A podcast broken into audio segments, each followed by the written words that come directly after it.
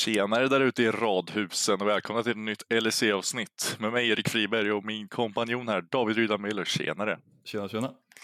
Jag tänkte idag ska vi vara lite mer inkluderande så att alla som bor i radhus ska få vara med idag. Så inte bara de ute i stugorna liksom. Så att radhusfolket välkomna och, och stugorna får vi hoppas hänger kvar. Så får vi se vilka vi tar med nästa vecka. Men välkommen till en ny vecka av LC-podden där vi idag kommer snacka upp matcherna eh, som eh, komma skall inför helgen. Och det blir ett lite sent avsnitt, vi vet. Jag, vi, vi båda har haft rätt mycket med skola och eh, jobb på sistone så därför kommer det här avsnittet ut lite sent. Men bättre sent än aldrig, eller Absolut. Men eh, vi, kan, vi, vi, ska väl inte waste någon tid, vi kan väl bara hoppa in i dagens avsnitt där vi som sagt kommer bara snacka upp matcherna och vad vi tror och och, och kommer gå vidare och deras win condition och allting sånt. Sen har vi bets idag tillbaks och sen så kör vi predictions och slutar vi med ett fricks quiz. Det låter som en eh, bangervecka som, eh, som, som kommer gå bra. Men vi kan väl börja hoppa in i det direkt där vi, eh, vi kan ta upp lite news ändå som har hänt. Den här. Det har ju hänt lite i alla fall. Det var ju, förra veckan snackade vi om att Excel skulle behöva göra någonting, att antingen kicka djungeln eller bara run it back. Och de har ju valt att nu att kicka Cirksey eller ja, att han har fått gå. Eh, och vi kan väl bara börja med att toucha det. Vad, vad tycker du om den det changen de gjorde? Jag tycker ju att det är den korrekta changen som jag sa förra veckan. Jag tror vi båda är ganska överens om att det här är eh, the move att göra om man nu ska göra något move. Eh, den stod, alltså Serkse klickade aldrig riktigt med laget känns det som. Hans spelstil passade inte in med det som krävdes för Excel att eh, det som krävs för Excel att kunna fungera som ett lag.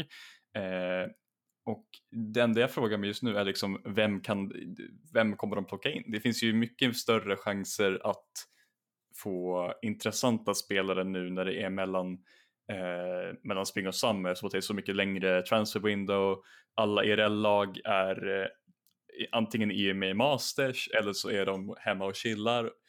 Eh, så du kan ju bara scouta extra mycket under de här ganska långa perioden mellan eh, split-slut till MSI till start av Summer Split. Så jag är intresserad av vad de kommer leta reda på i transfermarknaden. Har du några namn personligen som du tror de skulle kunna titta på? Jag vet att du har pratat rätt mycket om en sån som Gilje som hade kunnat komma in och han har ju ändå spelat med många av de här spelarna innan. Men sen finns det ju en sån som Selfmade Eh, den hade ju, i mina ögon hade en self-made med Abdagi i midlane makeat mer sense än om du hade haft Vifio där.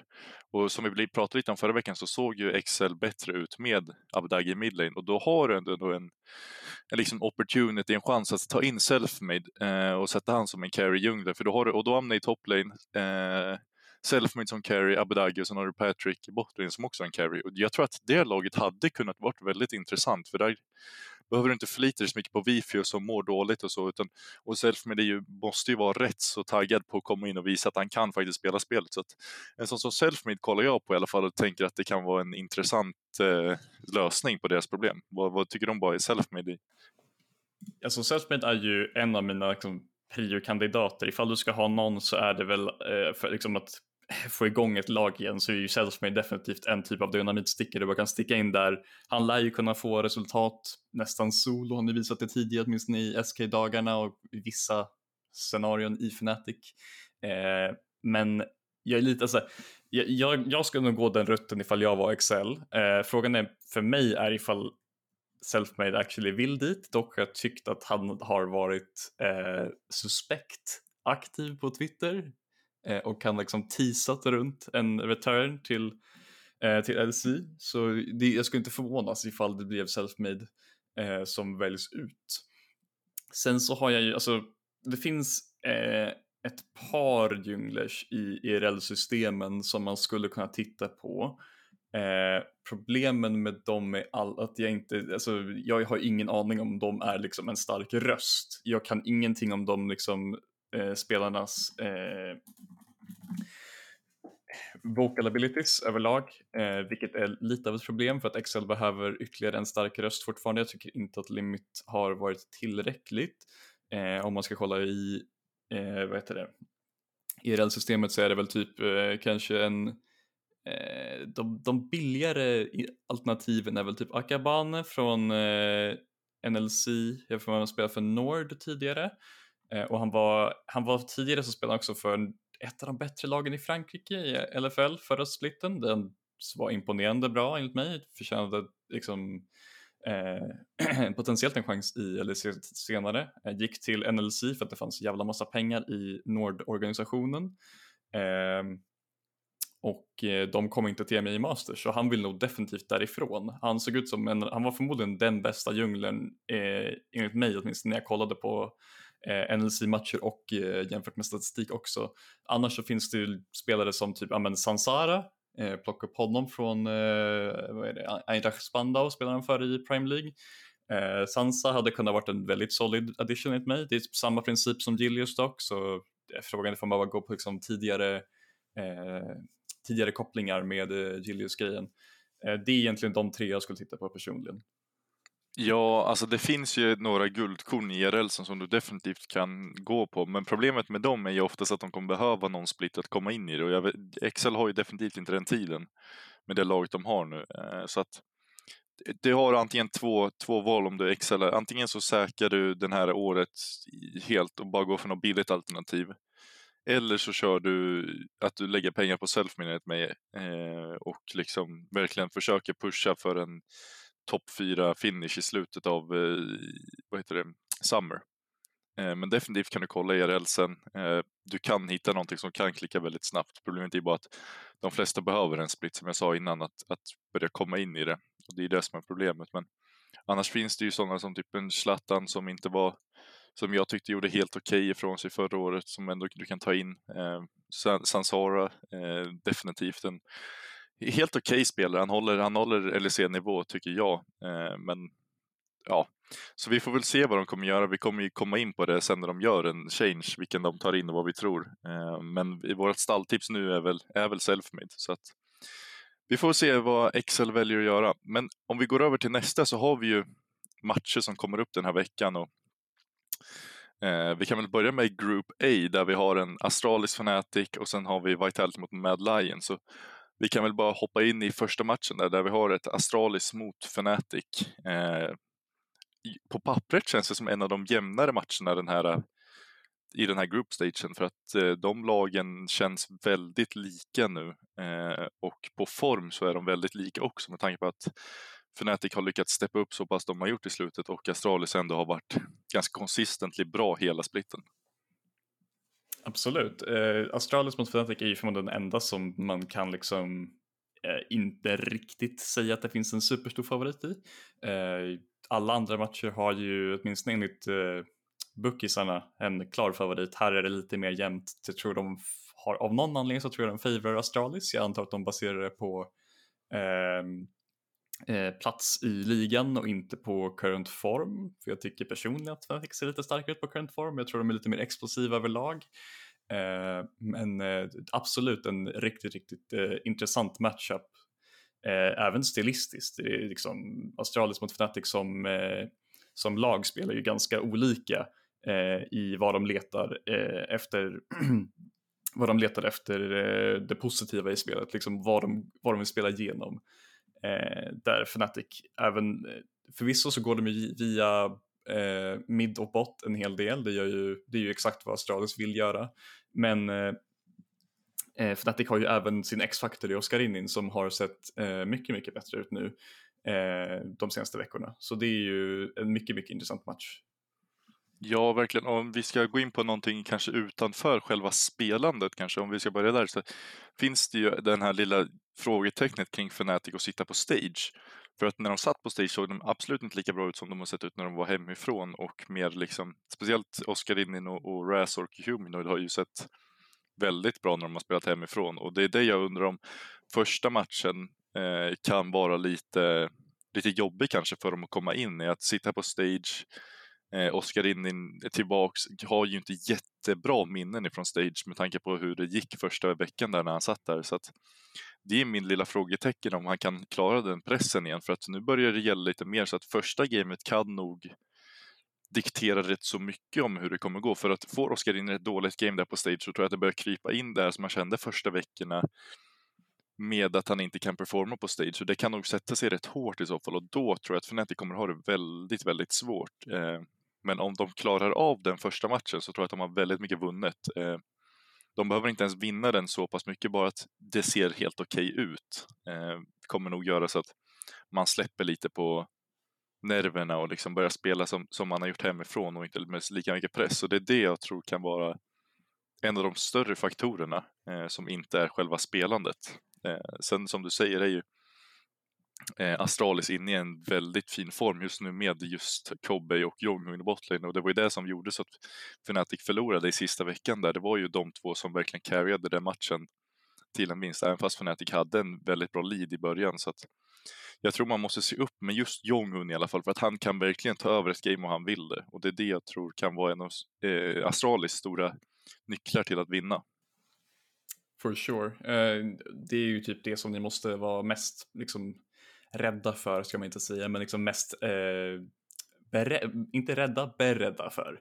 Eh, Jonghun, Jonghuns explosivitet som eh, engage support är ju extremt viktig. Vi har ju pratat om Jonghun åtminstone två eller tre episoder i rad nu, eh, som, vilket är liksom intressant. Vi har ju pratat om Kobbe i varje episod basically också. eh, så det är, någonting, det är ganska klart någonting som är väldigt bra med det här Astralis eh, och vi är ganska överens om att det är botlinen samt att eh, med leader så som vi alla vet eh, ändrades laget helt och eh, de är ett av de mest proaktiva och eh, aggressiva lagen i ligan, vilket gör dem extra farliga. Eh, så jag skulle ju kunna se, jag ser exakt vilken eh, poäng du menar där med första, första kartan i bästa av tre, den, den måste nog faktiskt gå ganska bra för Fnatic. Det hjälper ju inte att 1-3 är ju den personen som verkligen tycker om att liksom bara det var ju han som var, var ju den mot Oskar Inning förra gången. Han, han, det var väl två ganka honom.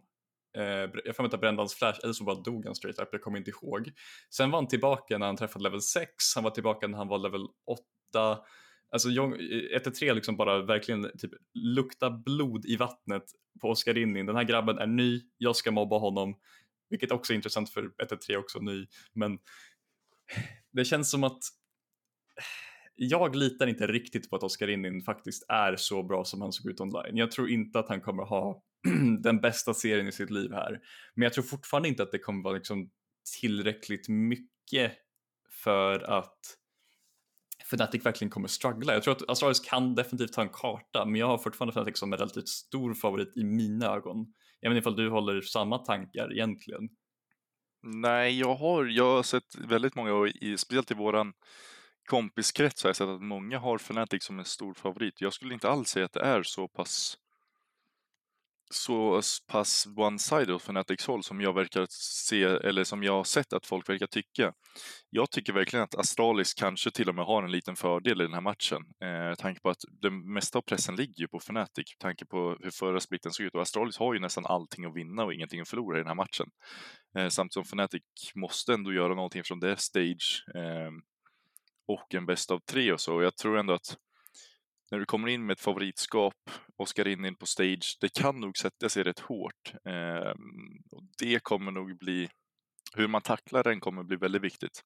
Och sen som du säger, jag tror att Fanatics win condition kommer vara på 1-3 för att vi, jag har hyllat honom väldigt, väldigt mycket på sistone men han är ju fortfarande deras svagaste länk i det här Astralis-laget och att om du vill vinna mot dem så måste du pressa honom rätt hårt. Eh, om du såg förra matchen så såg man ju liksom att Humanoid verkligen kom upp i early game i alla fall. Sen kunde han inte riktigt transfera till någonting för att det var lite, för att Jonghun spelar väldigt bra på Blitzcrank och, och eh, Kobbe spelar också väldigt bra. Så att jag tror att du har mycket vunnit om du lyckas, eh, lyckas stänga ner 1-3.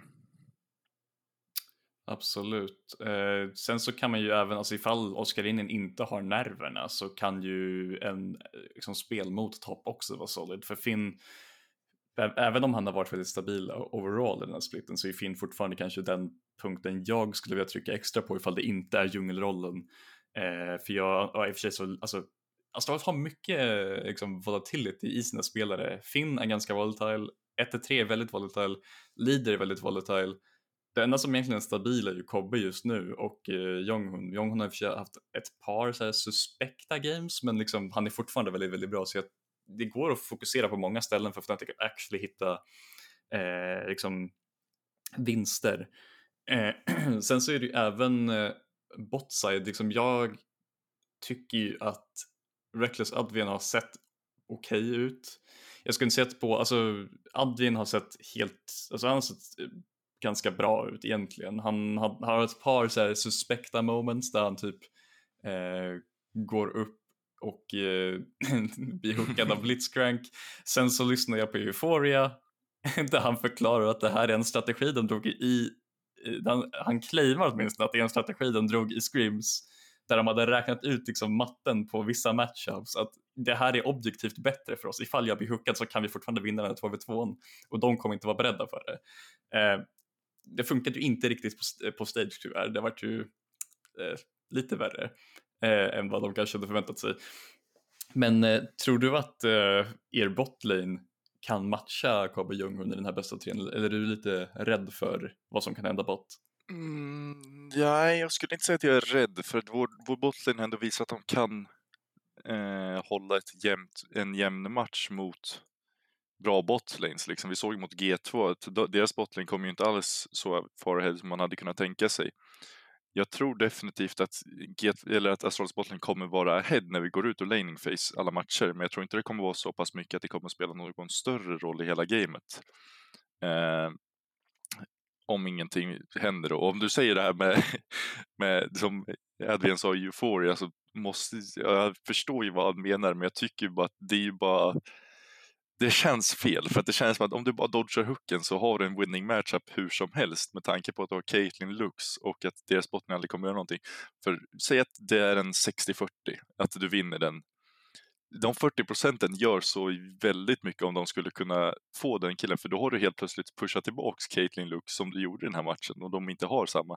Så enligt mig så känns det inte, li känns det inte lika lika bra eller lika så här nice som, som de verkar få att se, se ut. Liksom. För jag tycker att när du har en sån bottling så behöver du inte göra någonting sånt för att vinna lane. Liksom. Eh, jag kan ha fel, men det är i alla fall vad jag tänker. Och jag tror att om de bara chillar och inte dör så mycket och inte ger dem en större lead än vad som är nödvändigt så tror jag att vi har väldigt mycket potential på toppsidan av kartan att göra någonting väldigt bra. För att jag tror inte att leaders, liksom Irelia, alltså, och Zed kommer vara lika bra i en bäst av tre som att de är en bäst av ett. För att i bäst av tre kan du verkligen adapta snabbt till de här pixen och komma ut helt, som ett helt nytt lag efter det. Och jag tror att när du kommer in i bäst av tre och försöker med de pixen så kommer du bli nedstängd rätt så snabbt. Eh, och, men det kan också eh, tala för Astralis att det är första matchen eh, och att jag tror att desto längre du kommer in i bäst av tre så desto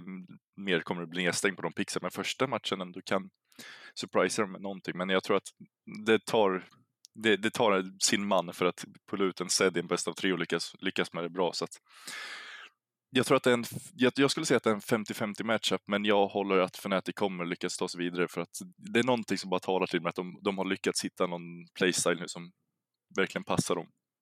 Ja. Eh, vart du förvånad när Astralis valde er eh, istället för att välja oss i valet? Eh, lite faktiskt. Jag trodde att de skulle välja er med tanke på att Mad har sett väldigt skakig ut och vi kommer komma in på det senare också. Men jag, ja, jag tror ändå att Astralis-spelarna kanske kände att just Fnatic, de har precis vunnit mot oss.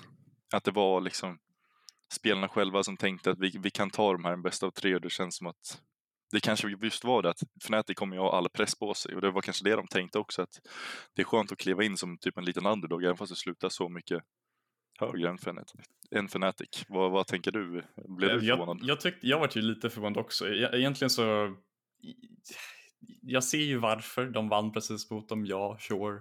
Eh, underdog-grejen, ja, det skulle den varit mot vilket lag som helst honestly, för att vi absolut körde över Astralis förra, eh, förra groups Eh, Eh, men eh, givetvis var det med Dajor och inte med Lider så det är ju inte samma lag alls men eh, fortfarande så har vi ju en ganska positiv eh, experience mot Australis rent historiskt sett. Eh, så jag har varit lite förvånad för vi, vi har ju definitivt sett värre ut än vad Fnatic har gjort. Och det är ju också en ganska tuff match mot Vitality. Så det är egentligen min take där. Jag har en sista fråga egentligen gällande Fnatic och det är eh, Eh, till dig givetvis. Eh, hur vill du att Fnatic ska drafta för att få liksom bäst utfall mot Astralis?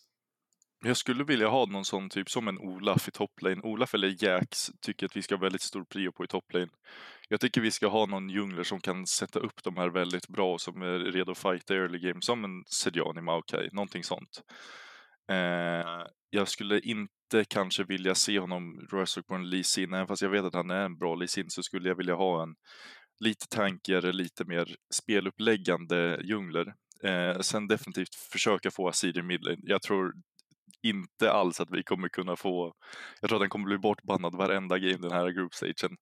Men annars så någon lite control mage som, hans LeBlanc såg ju väldigt bra ut, eh, så att kanske en LeBlanc i midlane eh, och sen i botlane bara någonting säkert egentligen. Eh, Saja, Sivir eh, och sen så någonting som kan, eh, någon kan, någonting som kan supporta laget och, och Reckless och det kanske en Alistar som ändå har blivit lite buffad, går bra med en Bram också som ändå liksom står framför och ändå liksom skyddar vårt lag och jag tycker att det är de kompisen som också vi har sett bäst på ut. Eh, vi har inte sett så bra ut när vi ska testa nya saker, så just de här kompisen som jag nyss sa tror jag kommer bli är de som vi kommer vinna med. Vad, vad känner du kring just dem och sen vad du tycker om Fnatic? Nej, men jag tänker ungefär eh, samma typ av samma typ av draft. Det passar ju förmodligen ert lag bäst. Jag vill se, precis som du säger, jag vill se Humanoid på någonting relativt safe med egentligen. Jag har inget emot hans typ Akali, han har en decent Akali.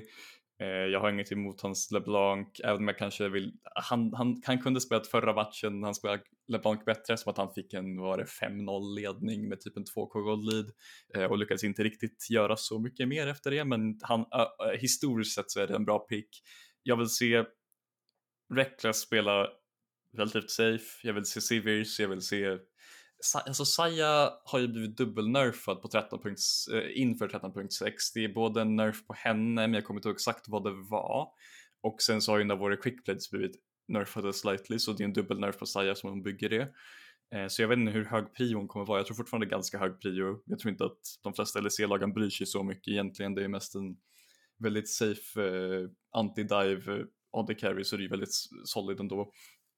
Eh, jag har inget emot playmaking för Razork. Eh, Lisin tycker jag fortfarande inte är en bra karaktär men eh, någonting åt det hållet skulle vara intressant och eh, Oskar Indien har inte sett särskilt bra ut på tanks. Han har spelat ett par gånger. Eh, så jag, jag, hade nog hellre sett bara en all-in på, ja men Olaf, jag får att Olaf fick en, nej han fick ingen nerf, han ska få en slight nerf nästa patch för mig.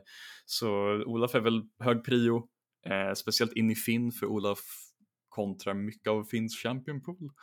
Eh, jag hade inte varit emot Eh, många, alltså mycket aggressiva picks, även så här, ifall han har, ifall Oskar in har någon pocket pick så skulle jag, det här är liksom matchen att bara dra ut det.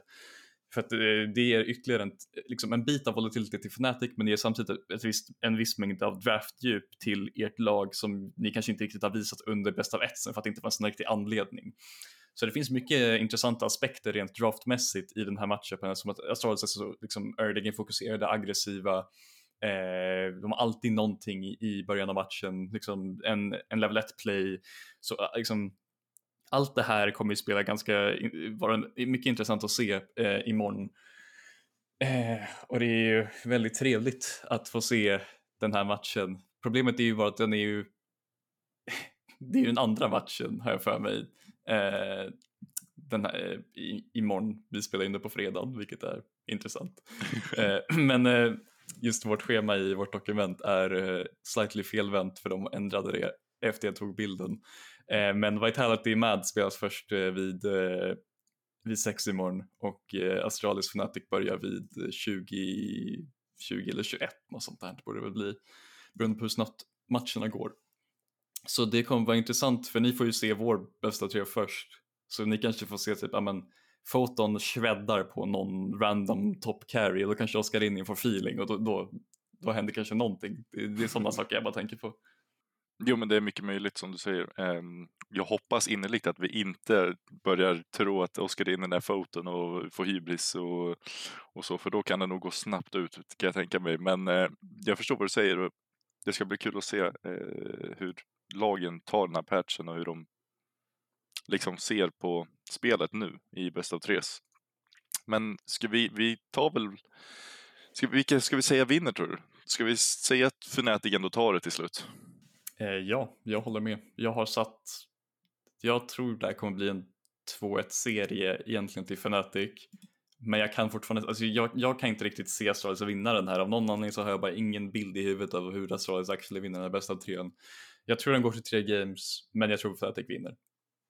Det är ju det som känns extremt konstigt tycker jag just nu. Eh, det känns som att Fnatic kommer vinna. Jag vet inte om det är för att jag just är så optimistisk kring Fnatic för att de är, det är mitt lag och så, men jag vet, det är någon känsla jag har just nu som bara känner att även fast Astralis slutade tvåa så känns det som att verkligen att Fnatic kan eller kommer vinna den här.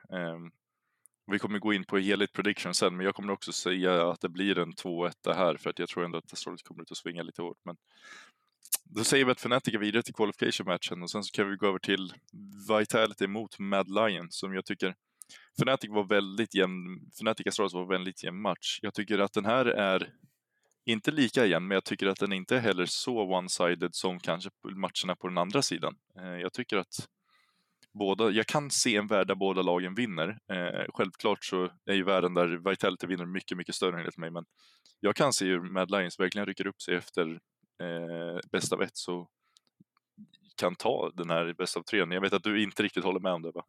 Ja, alltså jag, jag kan se det. Eh, det finns vinklar där jag kan se oss vinna det här men då måste våran coaching staff sluta lyssna på våra spelare och bara tvinga dem att spela vissa specifika saker. Eh, för att vi ser inte speciellt bra. Alltså nu har vi haft, vad är det, typ en och en halv vecka scrims eh, emellan så det finns ju en hel del att, liksom, att ha testat. Eh, det är ju liksom två, eh, från 13.4 till 13.6. Det har inte hänt supermycket där tyvärr. Eh, rent liksom met metamässigt förutom kanske Cyanerfsen.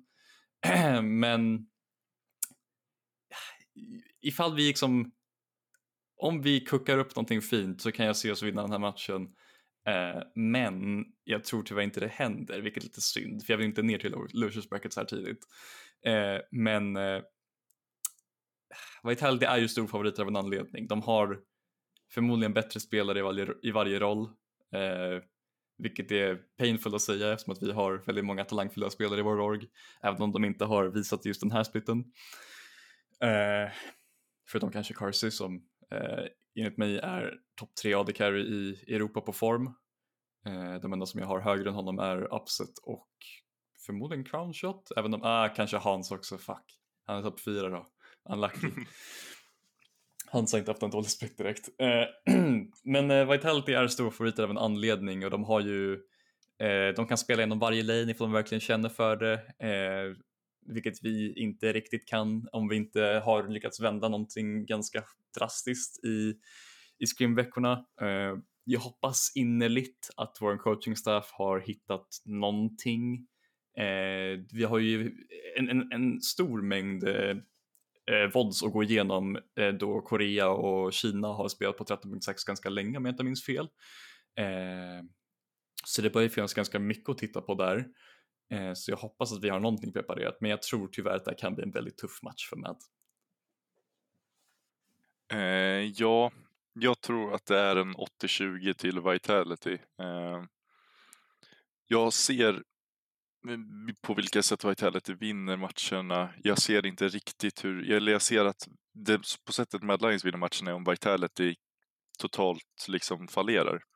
Och jag tror att det är det som är problemet med Mad Lions, för jag kan inte se dem vinna på ett eget sätt nu. Jag tror att det mycket handlar om hur, om hur Vitality kommer in i den här matchen för att som du säger, de har väldigt hungriga spelare som åkt ut innan playoffs förra eh, splitten och jag, ingen av dem kan ju vara nöjd och Upset vill ju definitivt visa att han kan slåss om trophies för han har ju fortfarande inte vunnit någon så att jag tror att Alltså sättet som Mad Lions förlorar på, det vi såg i det förra splitnet, typ att Vitality pickade Carters och så eh, och blev tiltade liksom. Och de, de har ju lite problem med mental i det laget, det har man ju märkt. Så att jag tror att om man, man kanske kan lyckas sno en match ifrån Vitality så kanske det kan bli lite tiltmoment och kanske lite lite sura miner i det laget och det kanske kan göra att man kan kapitulera på det, för ni har ju väldigt bra mental i Mad Lions, vad det har sett ut som. Så att, som du säger, om coachingstaffen verkligen kan göra en bra draft mot er, som de gjorde i matchen mot Team Heretics,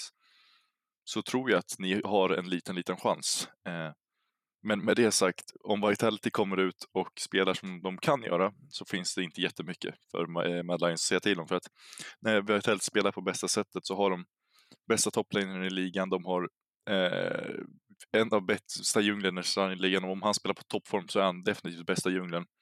En midlaner som kan steppa upp när det behövs, som alltid är konsistent, eh, en papparoll av laget. Sen så har du Upset som är som har varit väst bästa ADC i nästan två år nu.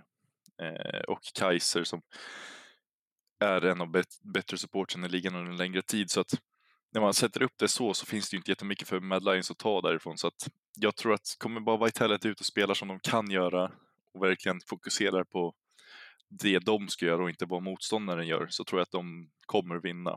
Eh, men om du säger, vad, vad, tror du är Mad Lions liksom eh, win condition? Jag tror att det är att Vitality ska fallera eller tror du ni kan spela runt någon svag lane hos Vitality eller hur tänker du? Alltså det är ju det som är problemet. Jag tror att ifall vi verkligen skulle vinna på våra egna, våra egna villkor så skulle Niski behöva vara i form. Och Niski är inte i form. Eh, hade Niski haft sin Wintersplit form hade jag inte varit jätte, alltså då hade jag varit oroad fortfarande för Vitality är livsfarliga, speciellt med upset.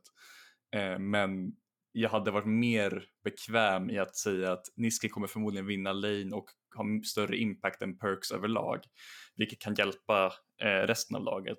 Just nu är ju egentligen bara eh, Carsey och delvis Elioja i form, eh, vilket inte är det bästa när man möter ett lag som inte necessarily ens behöver form för att stå de bästa som du sa, Vitality i liksom, toppform är förmodligen EUs bästa lag i ren liksom, individuell skicklighet. Jag tror fortfarande jag personligen tar G2 över dem i, som ett rent lag, men Vital Vitality är ju livsfarliga.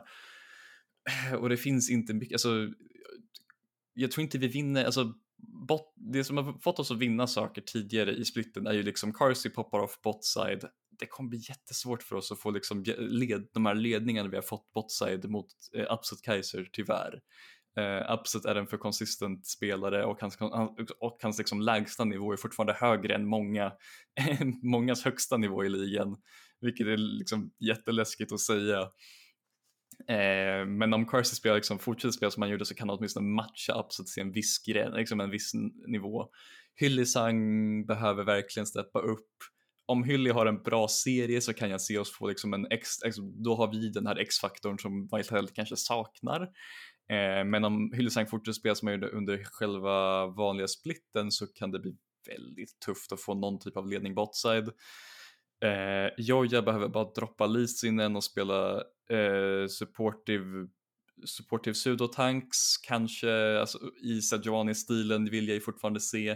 Eh, Chasey behöver få upp sin nivå igen. Eh, dock har vi inte rätt, riktigt gett honom samma liksom samma frihet för att det känns som att vi har gett mycket till just Eljoja och av någon anledning Niski som vi inte riktigt har vilket har fungerat. Men jag tror att eh, ifall Chaser spelar på sin bästa nivå, eh, Hyllesang appar sig igen, eh, Niski spelar på en bättre, alltså det, det, det, är så dumt att säga för att det är egentligen bara att säga att hela Mad ska spela bättre det är så simpelt egentligen. Mad behöver spela bättre, Vitality behöver liksom inte necessarily fallera men de behöver inte spela på sitt, sin topp, då kan vi vinna men det det är så tufft.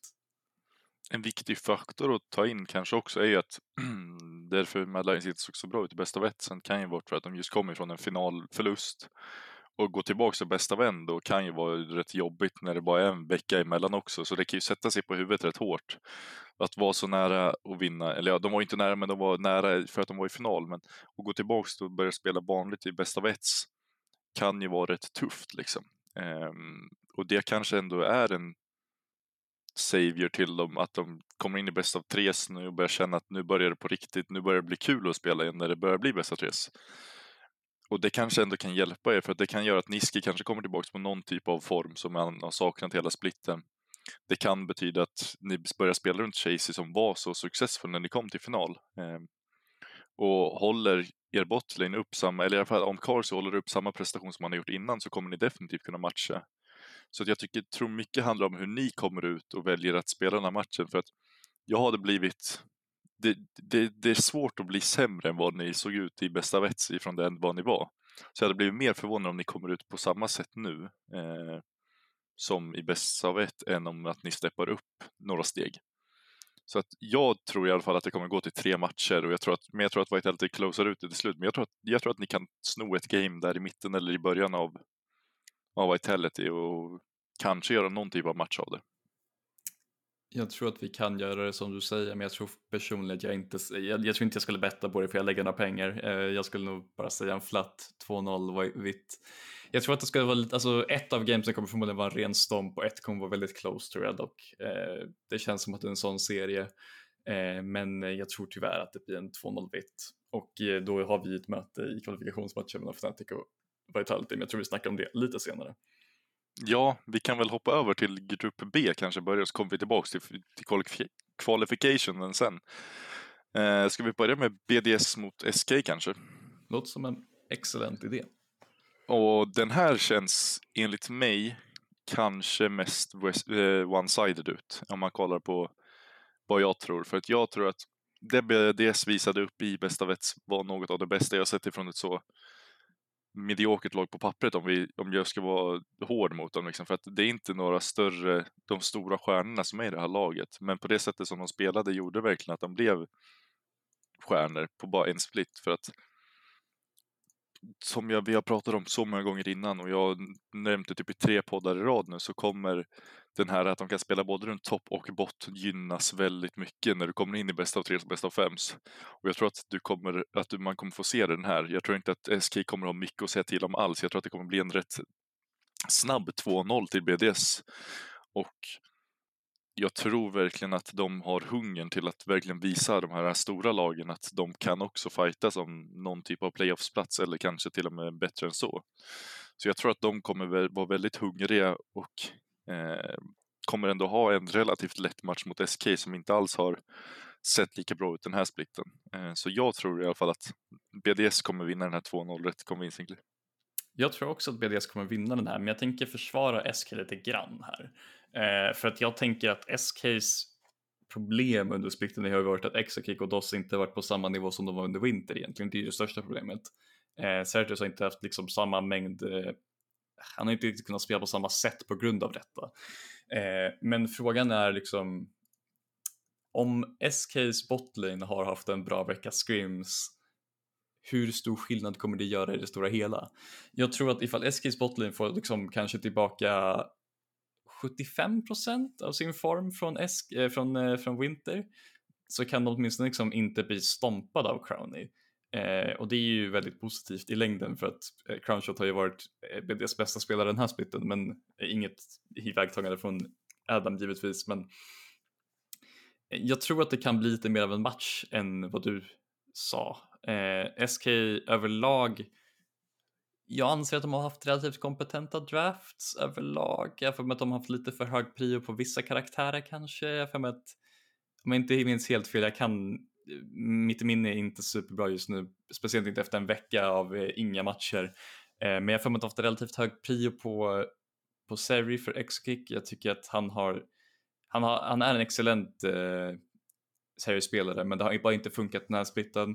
Eh, och sen så tycker jag även att Markoon behöver ta, han, har haft ganska bra, alltså det är, så, det, är, det är en så intressant sak för att liksom Markoon har haft en okej okay split överlag men han har samtidigt varit lite osynlig. Eh, och det är ju inte vad SK behöver, de behöver den här liksom, proaktiva early game djungeln eller så behöver de en utility jungler för att det var ju så de eh, bytte om i playoffs förra splitten. Eh, de gick från att ha ett av de bästa early gamesen till ett av de sämsta early gamesen men de hade ett av de bästa late gamesen istället. Så det är frågan om de kan liksom levla upp de här olika aspekterna av sitt spel på bara de här, liksom, den här veckan. Liksom. Eh, då kan jag se dem åtminstone få en, eh, en mapp mot BDS men jag tror fortfarande att som du säger BDS bör nog ta den här. Ja, Eh, ja, det, det, är som du säger, hade de mött, hade SKs botlane mött en annan botlane så hade jag haft mera trust i att de hade kunnat komma tillbaka och kanske vunnit den lanen om de hade kommit tillbaka i den formen de var förra splitten. Men just för att det är Crowny eh, och Labrov i botlane så tror jag verkligen att det kommer bli väldigt tufft. Eh, de är extremt bra just nu och jag tror inte att du kan rubba dem överhuvudtaget just nu och när du kollar på topplen kanske eh, så visst har Irrelevant varit väldigt bra, men just mot en Adam blir tufft. För att Adam är Adam och han kommer alltid vinna lane känns som. Så att jag, jag, jag vet inte, det känns som att det finns jättemycket att prata om fast ändå mycket med den här. För jag tror att hur det än går så kommer BDS vinna för att de ändå har starkare spelare i form i både toplane och botlane som är de viktigaste lanesen just nu. Och det är där jag tror vi bara landar in till slut att de kommer bara vinna för att de är individuellt mycket bättre just nu. Det är overall fair. Jag tror inte jag har så mycket mer att addera till den egentligen. Nej, då kan vi gå över kanske till nästa som kanske finns lite mer att prata om. Det är ju G2 mot Koi. Och Koi som ändå, vi kan väl börja där, de, de har ju sett skakiga ut i, i bästa av igen. Och förra gången så ryckte de ju upp sig och blev ett av de bättre lagen i groups. Eh, frågan är, kan de göra det igen nu och kan de göra det mot ett starkt G2? nej. Det är, mitt simpla svar är bara nej. Jag tycker honestly att Koi ser ut som det sämsta laget i groups och det är kanske lite biased men honestly ifall vi spelar liksom ifall vi spelar på en liknande nivå till vad vi gjorde mot Heretics så är vi absolut inte sämre än Koi. Jag skulle low key kunna säga att eh, Malrang har haft han har haft sin definitivt sin sämsta split i Europa hittills. Han har varit borderline den näst, han har varit den näst sämsta djungeln i ligan enligt mig. En Enda som varit sämre i Xerxe och det var ju unfortunate. Eh, sen så ligger ju väldigt mycket i koj överlag på att eh, Comp ska spela bra och det har de inte gjort. Eh, och jag vet fortfarande inte hur jag, ska, liksom, hur jag ska kunna lita på Koi. För att det känns som att vanligtvis tidigare så var de ju alltid extremt konsistent liksom. Men nu i två splits i rad så har de varit så otroligt inkonsistent. Och jag skulle, alltså Larsen är fortfarande deras bästa spelare. Det har han basically alltid varit. Förutom när, Koi, eh, när Komp var borderline typ en topp 6 AD carry i världen. Eh, men det var en väldigt specifik tid jag skulle legit säga att Shugenda är deras bäst presterande spelare på ren form, vilket det känns jättedumt att säga liksom så här rent kontext, eh, utan kontext. Men Shugenda, alltså, som toplaner personligen, så honestly, han, han blir lite smått ilohälld av sitt lag. Shigenda har vunnit sin lane ungefär, jag tror 70% av gångerna. Eh, och han har, liksom, förvisso spelar han NAR, eh, jag tror han spelar NAR i hälften av matcherna. Men det, är fortfarande relativt imponerande. Sen så tycker jag även hans positionering i fighter har varit väldigt, väldigt solid. Han har hittat mycket engages på just NAR. Eh, Shigenda har även varit en väldigt stor faktor i varför de actually vann ett par matcher. Eh, jag kan bara inte se hur de actually vinner mot det här G2-laget dock, för att det är ju samma jävla koj och de var ju totalt sprängda förra gången de fick möta G2 eh, i, bästa, i både bästa tre och i bästa fem. Eh, det hade de inte speciellt mycket att liksom, säga till om. G2 var ju bara en nivå över dem. Det är egentligen det. Jag tror bara inte att Koi har så mycket i tanken att liksom göra. De har ingenting att, de kan bara inte vinna den här matchen enligt mig. Nej, det, jag tror inte heller att de kan vinna matchen, men jag tror att de kan kanske göra någonting mer spännande om de kommer upp på någon typ av som de var i förra Groups. Jag vet inte, de gick som en som väldigt konstigt då för att de spelar väldigt dåligt i bäst av ett, väldigt bra i Groups och väldigt dåligt i Playoffs. Och det är det jag undrar om de kan göra samma sak igen. Jag tror inte det. Eh, och som du säger, att det här KJ-laget vet absolut inte om hur man spelar runt en toplane eller hur en carry toplaner ser ut. För än en gång igen så har de visat att de är helt inkompetenta på att spela runt toppsidan av kartan. Och att de flesta spelarna i laget eh, inte vill spela runt toplane heller, vilket känns väldigt konstigt för att jag skulle ju förmoda att KOI-spelarna var med om att rösta ut eller rösta om att kicka och Odoamene och ta in en carry toplaner och sen inte gör, spela runt den. Det är bara konstigt med. Om det inte var spelarna som gjorde det så är det ännu mer konstigt. Så att jag vet inte bara vad Koi liksom har för sig att göra nu, för att enligt mig så är de inte bättre på någon av lanesen. Eh, och det har inte stoppat ett lag innan för att vinna, men jag tycker bara inte att de har den här synergin heller som man har sett att ett Koi-lag har innan, där man vet att det här, den här gruppen kan göra saker som individuella spelare inte kan göra, utan att den här gruppen är väldigt stark och att de kan slå i alla fall vilket lag som helst i en bäst av serie. Men jag känner inte det längre med det här Koi-laget. Det känns som att Malroy kanske har blivit lite, börjar blivit lite läst. Eh, känns som att han eh, också att han inte får kanske visa upp en annan spelstil än den han har just nu. För att eh, vad jag har hört så är inte det egentligen hans spelstil som han kom in med eh, när han blev inköpt. Liksom, utan det var att laget inte funkade och för att laget skulle funka så var Marlon tvungen att sacrificea farm och sitt egen match för att liksom, kunna ganka random ganks och liksom sacrificea så extremt mycket personligt för att få sina lanes att inte falla behind. Och det har ju bara fortsatt och att nu börjar det ju liksom se ut som att han är helt läst och det har man ju sagt ett tag och då lyckas han ändå liksom dra ut någonting. Men nu känns det verkligen som att han är läst och det känns som att Komp och Trimby inte är det känns så konstigt att de är en av de svagare bottlingsen i ligan med tanke på vart vi var för bara ett halvår sedan. När vi pratade om dem i, i Inför World som en av de bästa, eller en av de bättre bottlingsen i hela Worlds. Och att komma till det här då känns ju bara skumt hur man kan ha trillat av så snabbt. Eh, så jag vet inte om de har några issues, om det behöver rebuildas totalt, för det, det kommer ju behöva changes, men vad som man behöver göra, för alla de här spelarna har ju visat att de verkligen kan spela på högsta, högsta nivån i världen. Men de får det verkligen inte att funka. Det är, jätte, alltså det är jättekonstigt egentligen. Det, är, det kommer att vara en intressant, eh, intressant transfer window ifall de inte lyckas ta sig till playoffs. Eh, vilket jag inte tror hon kan i den här gruppen för de har en extremt tuff grupp. Eh, jag, skulle, jag personligen är ju biased för att jag är Mad-fan och jag har eh, ett fiktivt rivalitet mellan Mad och Koi. Eh, men Koi är enligt mig det sämsta laget i grupp B och jag tror inte att de överlever eh, varken sin eh, match mot G2, den kommer, tror jag kommer bli en riktigt snabb 2-0 Eh, och sen losers bracket matchen tror jag inte heller de överlever oavsett vem de möter. Jag tror ju att det blir SK men det får bli en annan sak eh, för nästa vecka då vi har mm, konkreta matchups där. Eh, men eh, G2, alltså finns det mycket att säga om dem egentligen. De, de är fortfarande bara så här somewhat impressive eh, överlag. De spelar sitt, liksom sitt spel. Eh, Hans Mickey kommer nog äta Comp Trimby till frukost om de spelar på den nivån som de gjorde tidigare men som vi vet sen tidigare så levlade ju de upp ganska rejält eh, förra gången vi kom till groups. Frågan är ifall de gör det igen. Eh, Hans Mickey hade ju samma nivå genom hela splitten, eh, bäst i EU.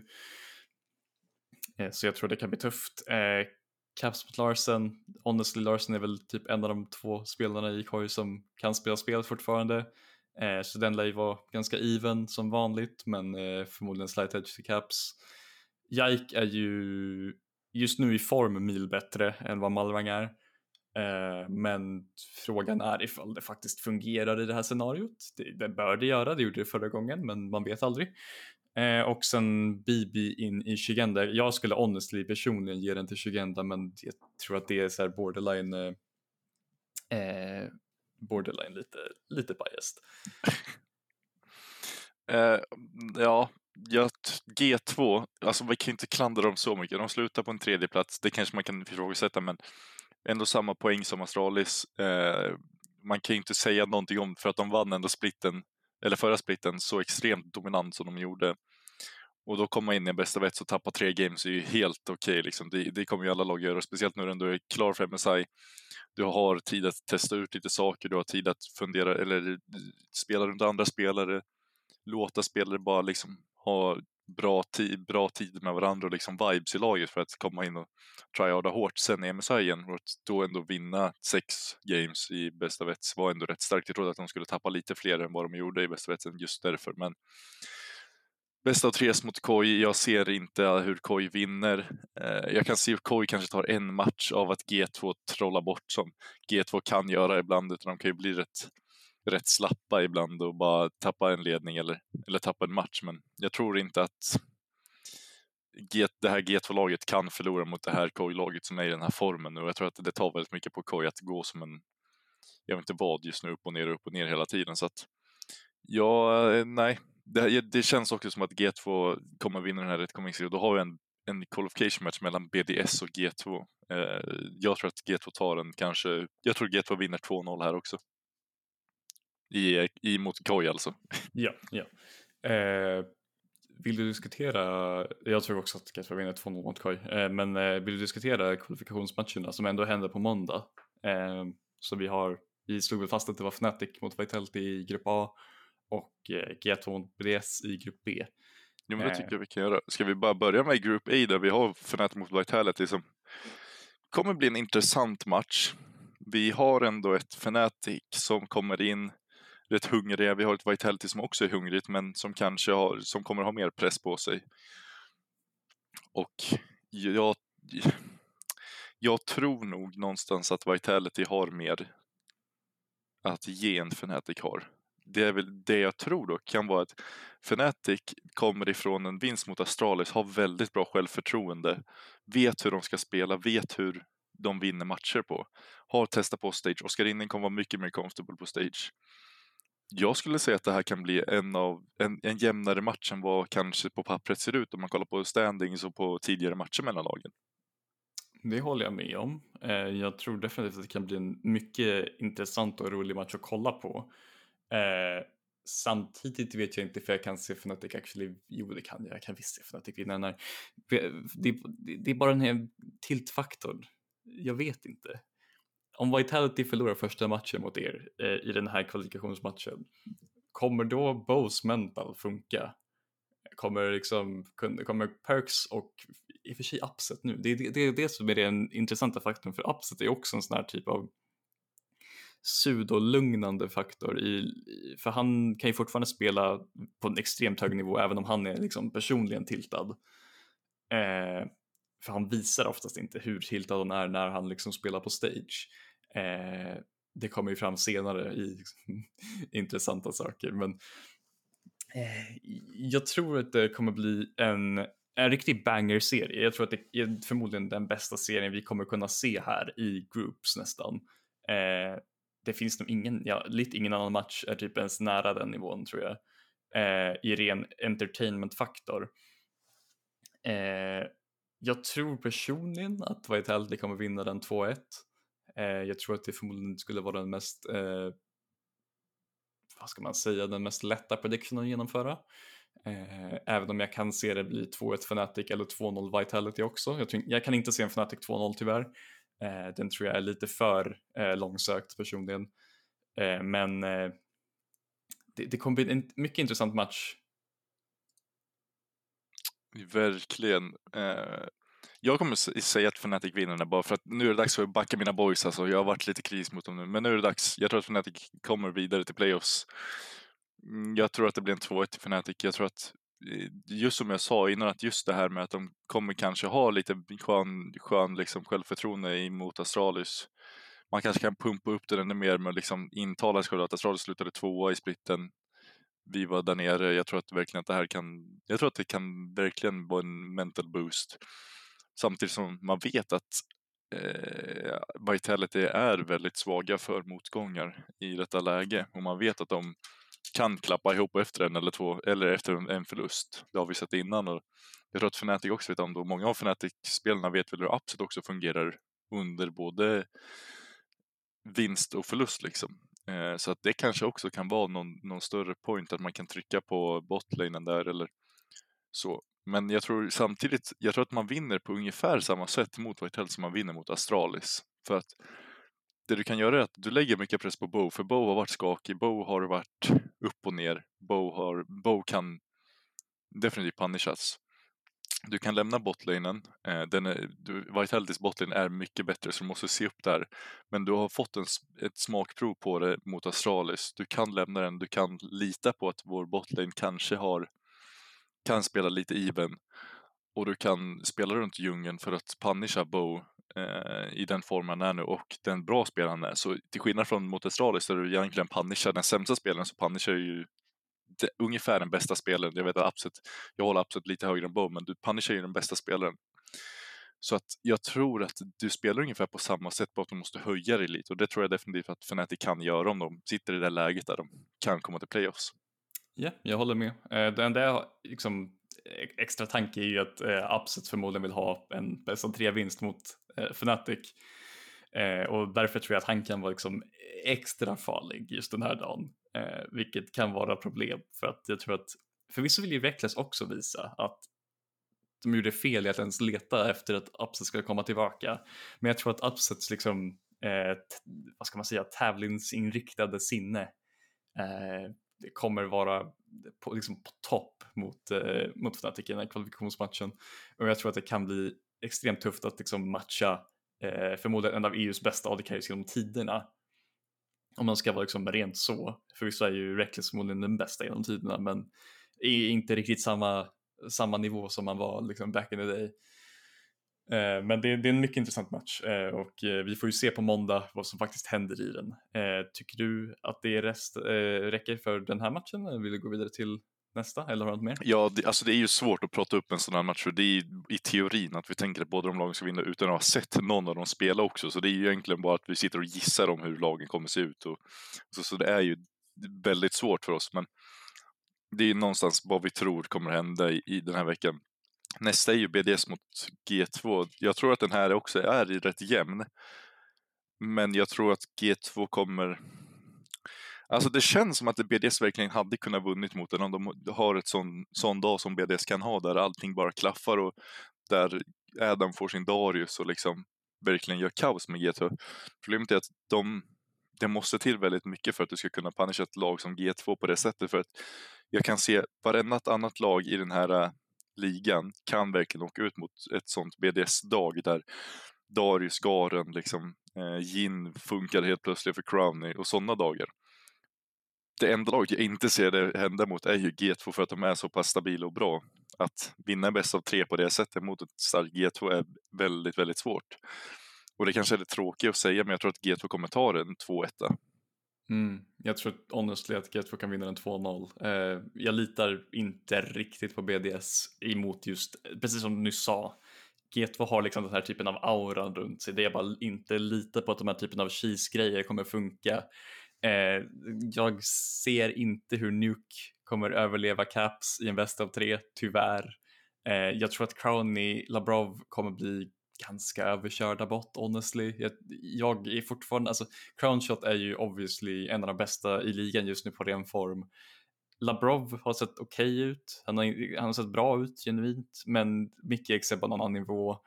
Eh, om på något sätt, rent hypotetiskt, en Draven kommer igenom så är det bara game over.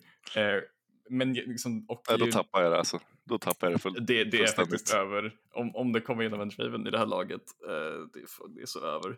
Men eh, det, de är ju även liksom relativt kända för att actually liksom cooka upp nya saker. Till exempel när de drog ut Samiran mot oss, vi vart ju fucking överkörda.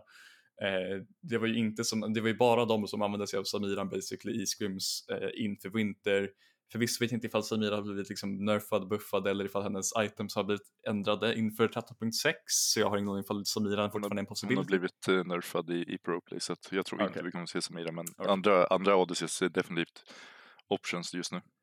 Det känns som att Hans skulle våga dra ut en sån, eh, en, liksom en ny eh, undiscovered metapick Eh, och jag tror att det kan bli extremt tufft för BDS. Jag tror de bara har en vinnande lane och det är ju topp. Eh, och det är ju för att G2 själva inte investerar så mycket i Broken Blade i vanliga fall. Eh, då de ser mer eh, lätta vägar att vinna i de andra lanesen, vilket jag håller med om. Eh, men det gör ju att vi kanske kan se eh, BDS ta en mapp som du säger, eh, via Adam förmodligen här enligt mig. Eh, men jag, jag, tror att det kommer vara relativt comfortable. Eh, 2-0 för G2, kanske 2-1, men eh, väldigt comfortable överlag. Ja, eh, jag tror att BDS utan att, utan att ha sett hur de kommer spela den här veckan så känner jag att BDS och G2 kommer vara de två som går vidare från Group B jag kan kanske se någonstans att hur Koi kommer upp i losers bracketen eh, och tar no någonting, men det kommer vi ju se nästa vecka i så fall. När vi har spelat de här två matcherna, eller när BDS har spelat de här två matcherna i så fall. Så att, jag tror ändå att det är de två lagen. Jag tror att Grupp A kommer vara mycket mer öppet när vi kommer in till losers bracket här nere. Eh, men det känns på något sätt som att det är uppsatt för att BDS och G2 kommer komma vidare och det är ju bara frågan vilka som kommer först och, och två liksom håller med. Eh, tror inte att det finns, jag, jag, kan inte se KOI eller SK egentligen vinna en BO3 eh, ifall, eh, ifall BDS kommer vidare till kvalifikationsmatchen eh, och sen får stryk av G2 så tror jag fortfarande att de liksom tar det som en eh, som ett, liksom ett lärningsmoment, inte som att liksom, nu, nu måste vi liksom fixa det mesta, det är någonting fel, nej det var G2 som slog oss guys, det är fine. Jag tror att det bara tar det som ett lärningsmoment, bara review av oddsen, det kommer vara fine, vi vinner vår kvalifikationsmatch mot antingen KJ eller SK. Eh, och i första gruppen så tror jag också att det, alltså där kan det bli lite mer vev än i B, eh, tror jag. För där kan jag faktiskt, liksom, jag, även om vi båda är ganska en, eh, överens om att Astralis och Mad borde mötas i Losers Bracket-matchen, så kan jag se liksom vilk, egentligen, Vitality är den laget som är liksom så här, ganska övertygad att de här kommer komma igenom. Jag har ingen aning om vem som av Mad, eh, Astralis och Fnatic som kommer komma igenom beroende på hur Mad ser ut. Om Mad håller samma nivå som nu i Spring så är det ju obviously dumt. Eh, då åker vi ut direkt eh, i första liksom, losers-matchen. Eh, men om vi har hittat någonting nytt eller om vi har liksom byggt om vår stil eller någonting sånt så kan jag se oss liksom verkligen slåss för den här kvalifikationsmatchen och komma vidare till eh, eh playoffs. Och det kan bli, det blir mycket mer intressant, men det är ju förvisso en sak som vi kommer få diskutera nästa vecka där vi faktiskt vet vilka som är i losers bracket. Nej, jag tror om jag ska vara helt ärlig, tror jag alltså, vilket lag som helst ifrån Grupp A kan ju ta sig vidare eh, när jag kollar på dem. Jag kan göra argument för varenda lag i den här gruppen att de vinner liksom, eller att de kommer vidare till playoff, så det är det som kommer vara roligt. För att jag tror att den här gruppen verkligen, jag, jag kommer hålla mest koll på den här gruppen. Eh, såklart kommer jag kolla på den andra matchen också, men jag kommer ju vara mera hypad, även om jag bara sitter och kollar på Vitality mot Mad än BDS, SK eller Goy, mm, G2 Koi. För att outcomen av både Lucius bracket, liksom första matchen kommer ju vara jätterolig att kolla på. Liksom, alla lagen kan komma vidare vad jag känner och det är, ger ett extra element till det. Liksom. Ja, och dessutom har alla laget en intressant spelstil. Det är ju också det, eh, till skillnad från liksom andra gruppen där vi har Koi som är relativt, alltså de försöker inte så mycket. De är bara väldigt tråkiga att kolla på. SK har inte varit speciellt roliga att kolla på heller den här splitten. Eh, utifrån, eh, förutom ett par games de vann, som de var, eh, liksom förra splitten var ju de ett av de roligaste lagen att kolla på för hur de spelade spelet. De har ju gått ifrån den typen av, liksom, typen av League lite grann nu, så den sidan är ju lite mer, alltså rent konceptuellt tråkig än vad liksom Astralis och liksom Fanatics rena handgemängder kommer vara imorgon. Eh, och med då White Vitality kommer ju också vara en riktig jävla barfight förmodligen ifall vi spelar på det sättet jag kan tänka mig att vi kanske pivotar till. Så rent, eh, ren fun factor så tror jag fortfarande att grupp A är eh, en mycket bättre eh, grupp att kolla på för eh, neutrala. Verkligen, verkligen. Men det är väl där vi, vi landar in i våra, i, våran, i våra tankar kring den här veckan och matchupsen. Ska vi kanske gå över till betsen den här veckan som är tillbaks efter en, en veckas uppehåll. Om du vill börja med ditt kanske? Ja, eh, jag har på något sätt eh, så har bookisarna, åtminstone mig, fuckat upp de här oddsen lite grann. Eh, men jag har gått för eh, ett, en fyrling för 5,01 eh, där jag har Vitality slår Mad, eh, Fnatic slår Astralis, BDS slår SK och G2 slår Koi Eh, så det här är alltså alla favoriter för mig, åtminstone enligt mig, eh, inte enligt bookisarna.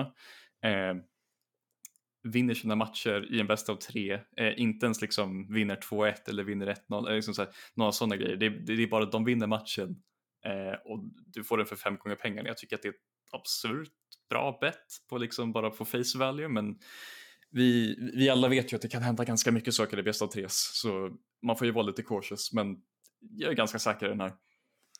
Eh, ja, för en gångs skull så håller jag med dig bättre rätt, rätt genomgående och hade kunnat lägga pengar på det. Jag däremot har ju gått för min klassiska lilla, lilla risky kanske. Folk kan tycka, jag tycker den är rätt, helt okej. Okay.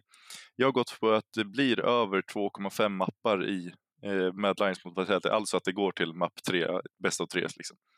Att det kommer gå till en tredje match. Så att jag tror ändå, som jag pratade om lite innan, att Mad Lions inte kan spela lika bra som, eller lika dåligt som de gjort bäst vet. Jag tror verkligen att de kan, måste steppa upp och att de kommer göra det. Så jag tror att de kan vinna en match där på grund av att Vitality är Vitality och har en tendens till att kasta games. Så att du, jag tror att det går till mm, tre matcher där och sen så har jag satt att Fnatic vinner mot Astralis eh, och då får en dubbel för 4,2. Jag tycker ändå att det är en helt okej. Okay. Jag tycker att det ändå kanske till och med en bra bett. Eh, jag tycker att den känns helt öppen. Jag tror att jag ser verkligen hur det går till tre games i första matchen och jag kan se hur Fnatic vinner så att jag gillar den här.